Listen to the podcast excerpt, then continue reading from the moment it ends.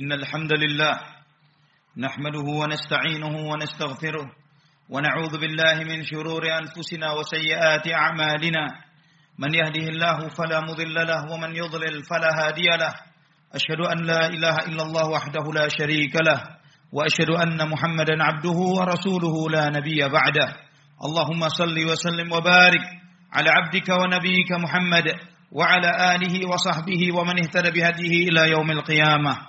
قال الله جل وعلا يا أيها الذين آمنوا اتقوا الله حق تقاته ولا تموتن إلا وأنتم مسلمون. يا أيها الناس اتقوا ربكم الذي خلقكم من نفس واحدة وخلق منها زوجها وبث منهما رجالا كثيرا ونساء واتقوا الله الذي تساءلون به والأرحام إن الله كان عليكم رقيبا. يا أيها الذين آمنوا اتقوا الله وقولوا قولا سديدا. يصلح لكم أعمالكم ويغفر لكم ذنوبكم ومن يطع الله ورسوله فقد فاز فوزا عظيما. أما بعد فإن أصدق الحديث كتاب الله وخير الهدى هدى النبي صلى الله عليه وعلى آله وصحبه وسلم وشر الأمور محدثاتها وكل محدثة بدعة وكل بدعة ضلالة وكل ضلالة في النار. معاشر المسلمين رحمني ورحمكم الله. الحمد لله segala puja dan puji hanya untuk Allah Subhanahu wa taala Rabbul Alamin. Ar-Rahmanur Rahim zat yang maha mulia yang memiliki asmaul husna dan sifat-sifat yang agung dan mulia. Ikhwatal iman rahimani wa rahimakumullah.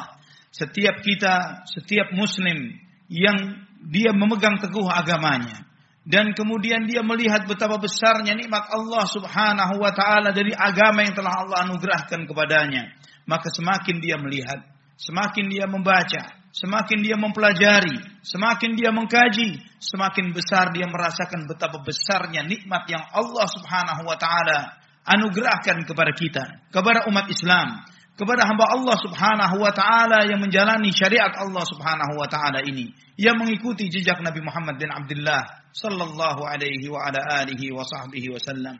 Di antara nikmat besar itu adalah hidayah Al-Qur'an, hidayah sunnah Nabi sallallahu alaihi wasallam. Dan ikhwatal iman rahimani wa rahimakumullah. Di dalam Al-Quran, Allah subhanahu wa ta'ala memberikan banyak petunjuk kepada kita. Kepada hal-hal yang dengannya terbukalah banyak hal yang banyak tidak diketahui oleh banyak manusia. Ikhwatal iman rahimani wa rahimakumullah. Jika setiap kita bertanya kepada diri kita sendiri. Apa tujuan saya hidup? Hidup saya ini untuk apa? Apa misi saya? Apa target saya? Apa yang harus saya jalani di dalam kehidupan ini dan bagaimana saya mengetahui bahwa saya telah berjalan di jalur yang benar atau ternyata selama ini saya salah jalan. Bagaimana kita mengetahui akan hal itu? Jika Anda membaca buku-buku yang ditulis oleh orang-orang barat, para motivator, motivator dan yang semisalnya, mereka banyak banyak memberikan definisi tentang apa makna hidup yang mereka cari. Mereka mendefinisikan mungkin ada yang menjadi seniman, ada yang menjadi ini, itu, dan yang lain sebagainya. Seakan-akan Allah subhanahu wa ta'ala yang menciptakan mereka tidak menunjukkan kepada mereka apa misi mereka hidup di muka bumi. Dan ini juga sering kali anak tanyakan kepada di luar Islam, kepada orang-orang kafir di luar Islam. Apa pun agama mereka. Saya sering bertanya kepada mereka, apa tujuan Anda hidup di muka bumi? Jangan dijawab dengan akal Anda. Tolong dijawab dari kitab suci Anda. Dan ternyata banyak di luar sana tidak tahu apa tujuan mereka hidup. Dan kita umat Islam. Ketika kita ditanya, apa tujuan Anda hidup? Allah subhanahu wa ta'ala menunjukkan dan mengajarkan kepada kita. Di dalam Al-Quran. Di dalam surat Az-Zariyat ayat 56, 57, 58. وَمَا خَلَقْتُ الْجِنَّ وَالْإِنسَ إِلَّا لِيَعْبُدُونَ Ma uridu minhum min rizqin wa ma uridu an yut'imun. Innallaha huwar razzaqu dzul quwwatil matin. Tidaklah aku ciptakan jin dan manusia kecuali untuk beribadah kepada aku. Aku tidak mengharapkan rezeki dari mereka dan aku tidak mengharapkan mereka untuk memberi makan kepada aku. Sesungguhnya Allah Subhanahu wa taala zat yang Maha memberi rezeki dan memiliki kekuatan yang sangat kokoh. Ikhwatal iman rahimani wa rahimakumullah. Mengetahui tujuan hidup kita ini adalah meminjam istilah anak muda sekarang sesuatu banget. Sesuatu yang sangat kita syukuri alhamdulillah. Bisa dibayangkan Anda menghabiskan waktu Anda dua atau tiga jam dalam sehari dan tidak tahu mau ke mana dan apa yang harus dilakukan. Dua atau tiga jam kita keluar rumah mau ke mana tidak tahu. Apa yang harus tidak tahu. Ini sesuatu yang menyiksa. Bagaimana seseorang menjalani hidupnya puluhan tahun dan dia tidak tahu tujuan hidupnya. Dan berapa banyak yang telah mengakhiri hidupnya dia salah jalan dan tetap dalam kondisi tidak tahu untuk apa dia hidup di muka bumi. Allahul musta'an wala haula wala quwata illa billah. Al-Imam Ibnu Katsir rahimahullah mengajarkan menyampaikan ketika menjelaskan ayat ini bahwa Allah Subhanahu wa taala menyampaikan kepada kita Allah menciptakan kita agar kita beribadah kepada Allah Subhanahu wa taala, mentauhidkannya, mengesakannya, tidak menyekutukannya dengan sesuatu apa pun dan barang siapa yang taat maka dia akan diberikan balasan yang sempurna dan barang siapa yang maksiat maka dia akan diazab dengan azab yang pedih. Juga Allah menyampaikan kepada kita semuanya bahwa Allah mewajibkan ibadah itu bukan karena Allah butuh kepada ibadah kita. Allah tidak butuh dengan sholat kita. Allah tidak butuh dengan puasa dan semua keimanan kita. Allah tidak butuh. Kita yang butuh dengan iman ini. Kita yang butuh dengan ibadah ini. Allah subhanahu wa ta'ala menegaskan, Ya ayyuhan nasu antumul fuqara'u ilallah. Wallahu huwal ghaniyul hamid. Wahai manusia, kalian semua ini fakir. Kalian semua ini butuh kepada Allah Subhanahu wa taala dan Allah Maha Kaya dan Maha terpuji. Dalam sebuah hadis qudsi dengan derajat yang hasan. Nabi sallallahu alaihi wasallam menyampaikan firman Allah, qala Allah azza wa jal. Allah Subhanahu wa taala berfirman, "Ya ibna Adam, tafarragh li ibadati, amla'u sadraka ghinan wa asuddu faqrak." Wa illa taf'al mala'tu sadraka syughlan wa lam asudda faqrak. Wahai ibnu Adam, wahai manusia, fokuslah kamu di dalam beribadah kepadaku, maka aku akan penuhi hatimu dengan kekayaan dan aku tutup segala kefakiranmu. Dan jika kamu tidak melakukan, aku sibukkan hatimu dan aku tidak akan tutup tutup, tutup kefakiranmu. Subhanallah ya iman. Berapa banyak dari kita yang sibuk dan kita mengira bahwa kita mengejar sesuatu namun ternyata kita tidak mendapatkan apa pun. Lihat bagaimana orang-orang beriman. Lihat bagaimana orang-orang bertakwa. Mereka dengan kesederhanaannya mereka merasa bersyukur dan mereka diberi kecukupan oleh Allah Subhanahu wa taala dan Allah mengingatkan kepada kita. Di dalam sebuah hadis qudsi yang sahih dalam sahih Muslim. Ya ibadi, innakum lan tablughu dharri fatadurruni lan tablughu naf'i fatanfa'uni. Ya ibadi, Innama hiya a'malukum uhsiyaha lakum thumma uwaffiyaha iyyakum. Faman wajada khairan falyahmadillah wa man wajada ghaira dzalika fala yalumanna illa illa nafsah. Wahai hambaku kalian tidak akan sanggup untuk bisa memberikan memberikan sesuatu yang madarat terhadap diriku sehingga kalian bisa mencelakaiku. Dan demikian pula sebaliknya kalian tidak akan sanggup untuk membuat memberikan manfaat sedikit pun kepadaku untuk memberi manfaat kepadaku wahai hambaku Sesungguhnya yang saya lihat dari apa yang kamu perbuat adalah amal kalian yang aku catat. Aku perhatikan. Dan barang siapa yang melakukannya dengan benar, aku akan penuhi balasannya. Dan barang siapa yang dan hendaklah dia memuji Allah Subhanahu wa taala dan barang siapa mendapatkan selain itu, janganlah dia mencela kecuali dirinya sendiri. Ikhwatal iman rahimani wa rahimakumullah. Maka kita menyadari tujuan hidup kita ibadah. Apa itu ibadah? Mentauhidkan Allah Subhanahu wa taala. Kita mengikrarkan setiap sholat kita. Sebagian kita membaca doa istiftah inna salati wa nusuki wa mahyaya wa mamati lillahi rabbil alamin. La syarika lah wa bidzalika umirt. Kita mengikrarkan salatku, sembelihanku, hidupku, matiku untuk Allah Subhanahu wa taala. Tiada sekutu baginya dan dengan itu aku diperintah. Ikhwatal iman rahimani wa rahimakumullah. Apa yang kita ucapkan ini bersumber dari ayat Al-Quran dalam surat Al-An'am. Yang di sini Allah mengajarkan kepada kita bahwa porsi hidup kita 100% untuk Allah Subhanahu wa taala. Adalah salah ketika sebagian orang mengatakan ada porsi sebagian untuk Allah, porsi sebagian untuk dunia, berapa persen? Ketika ada orang mengatakan kita harus proporsional, berapa persen yang semestinya?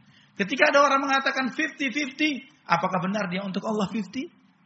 Apakah benar sholatnya dan sebagainya untuk Allah 50 persen? 50 persennya untuk agama, 50 persennya untuk dunia, kenyataannya tidak seperti itu. Coba kita pikirkan apa yang sering kali membuat kita ini tidak bisa tidur. Apa yang sering kali membuat kita ini malah meriang dan sakit. yang membuat kita tensi darah kita tidak normal, yang membuat gula darah kita menjadi terganggu dan yang lain sebagainya. Apakah memikirkan urusan akhirat, Allah, agama, atau urusan dunia? Ikhwatal iman rahimani wa rahimakumullah. Inilah yang Allah ajarkan kepada kita. Bahwa seluruh hidup kita adalah untuk ibadah. Namun di antara kemuliaan Islam juga. Bahwa ibadah hanya Islam yang mengajarkan. Bahwa ibadah itu kita jalani 24 jam hidup kita. Sampai Anas bin Malik radhiyallahu anhu dia mengatakan, "Innil ahtasibu Allah azza wa jal min qaumati kama ahtasibuhu min naumati." Aku mengharapkan pahala dari Allah dari tidurku sebagaimana aku mengharapkan pahala dari Allah dari sholat yang aku lakukan. 24 jam seorang muslim adalah ibadah. Dan ini tidak terjadi kecuali di dalam Islam. Di luar Islam ketika Anda bertanya kepada orang yang menganut agama apa pun, kapan Anda beribadah? Maka dia akan menyebutkan tempat ibadahnya di waktu tertentu. Mungkin sepekan sekali, sebulan sekali, atau bahkan setahun sekali. Di mana? Namun ketika seorang muslim ditanya, kapan Anda beribadah? Sekarang pun saya sedang beribadah. Senyummu kepada saudaramu, sedekah. Kita mencari nafkah, ibadah. Maka Syekhul Islam Ibn Taimiyah menjelaskan ibadah itu segala sesuatu yang kita lakukan untuk mengharapkan cinta dan ridhanya Allah Subhanahu wa taala baik ucapan maupun perbuatan, amalan lahir maupun amalan hati, semua adalah ibadah. Kapan seorang muslim beribadah? Ketika kita sholat kita ibadah. Ketika di tempat kerja kita kita ibadah. Ketika kita memagu jabatan kita ibadah. Apa pun posisi kita. Ketika apa pun kita berada. Di mana pun kita berada. Kita bukan hanya sekedar berkomitmen dengan sesama manusia atau dengan atasan atau dengan perusahaan kita. Tapi kita sedang berkomitmen mengemban amanah dari Allah subhanahu wa ta'ala terlepas dari semua pertanggungjawaban dunia. Setiap apa yang Allah berikan pasti akan Allah tanya. Maka seorang muslim selalu berusaha menjadi orang yang terbaik di posisinya karena dia bukan hanya sekedar bekerja untuk manusia, tapi dia mengemban amanah besar dari Allah Subhanahu wa taala.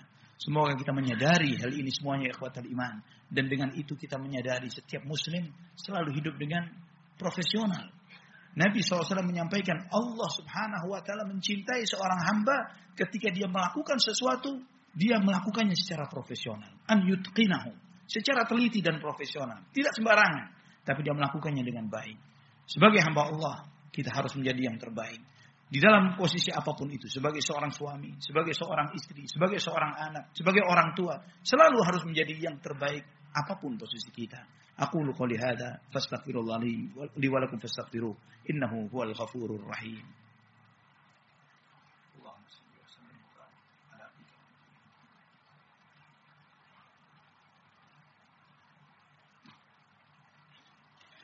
Alhamdulillah ala Rasulillah wa ala alihi wa sahbihi wa man wala. Ikhwatal iman rahimani wa rahimakumullah. Ibadah karena mencari ridhonya Allah. Mencari cintanya Allah subhanahu wa ta'ala. Maka ibadah itu dilakukan bukan semaunya hawa nafsu kita. Menurut saya ini ibadah. Tidak seperti itu.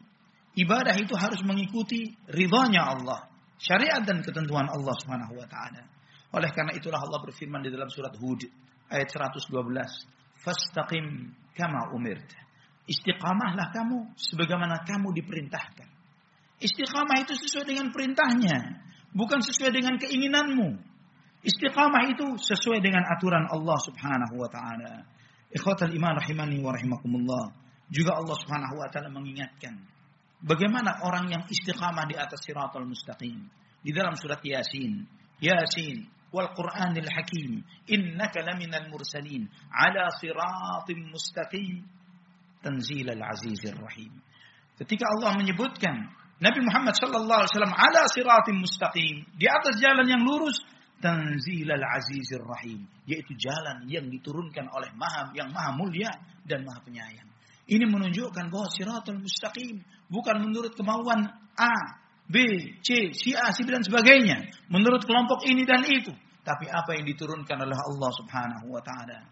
Maka seseorang yang beribadah sesuai mencari ridhonya Allah, sesuai dengan yang diajarkan oleh Allah Subhanahu wa taala, mengikuti tuntunan Muhammad bin Abdullah sallallahu alaihi wasallam. Itulah ibadahnya yang diterima.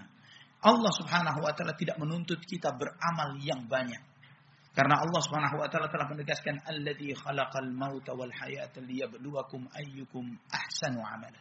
Dialah Allah Subhanahu wa taala yang menciptakan kematian dan kehidupan untuk menguji kalian siapa yang paling baik amalnya. Ahsanu amala. Yang paling ahsan, yang terbaik. Bukan aksar, bukan yang paling banyak, tapi yang paling baik. Bagaimana amalan itu jadi baik? Al-Fudail Ibnu Iyad beliau menjelaskan akhlasuhu wa aswabuhu. Amalan yang benar, yang baik itu adalah yang ikhlas dan benar. Akhlasuhu ma kana lillah. Yang ikhlas itu karena Allah. Bukan karena mengharapkan pujian manusia, bukan untuk dipamerkan, bukan untuk ditujukan ke sana dan kemari, bukan untuk mendapatkan follower, bukan untuk ini dan itu, bukan untuk mencari jabatan, tapi karena Allah Subhanahu wa taala. Wa aswabuhu ma kana muwafiqan li sunnati Rasulillah sallallahu alaihi wasallam. Yang benar ketika kita menjalankan ibadah yang Allah perintahkan sesuai dengan apa yang dicontohkan oleh Nabi Muhammad sallallahu alaihi wasallam, sesuai dengan tuntunan beliau. Salat seperti salatnya, puasa seperti puasanya, wudhu seperti wudhunya, bermuamalah di dalam kehidupan sesuai dengan syariatnya, tidak melakukan muamalah-muamalah yang haram yang beliau benci seperti riba dan yang lain sebagainya. Allahul musta'an wa la haula wa la illa billah. Ibadallah, marilah kita berdoa, memohon kepada Allah Subhanahu wa taala agar Allah Subhanahu wa taala senantiasa menunjukkan kepada kita jalan yang lurus, senantiasa menunjukkan kepada kita kebenaran dan memberikan kepada kita keinginan untuk mengikuti kebenaran itu. Allahumma salli wa sallim wa barik ala abdika wa nabiyyika Muhammad. Allahumma arinal haqqa haqqa warzuqna ittiba'ah wa arinal batila batila warzuqna ijtinabah. Allahumma fir lil muslimina wal muslimat mu'minat al-ahya'i minhum wal amwat. اللهم ربنا اغفر لنا ولوالدينا وارحمهما كما ربونا صغارا ربنا هب لنا من أزواجنا وذرياتنا قرة أعين واجعلنا للمتقين إماما ربنا اغفر لنا ولإخواننا الذين سبقونا بالإيمان. ولا تجعل في قلوبنا غلا للذين آمنوا. ربنا إنك رؤوف رحيم. ربنا آتنا في الدنيا حسنة وفي الآخرة حسنة وقنا عذاب النار. وصلى الله على عبدك ونبيك محمد وعلى آله وصحبه وسلم. الحمد لله رب العالمين. أقم الصلاة.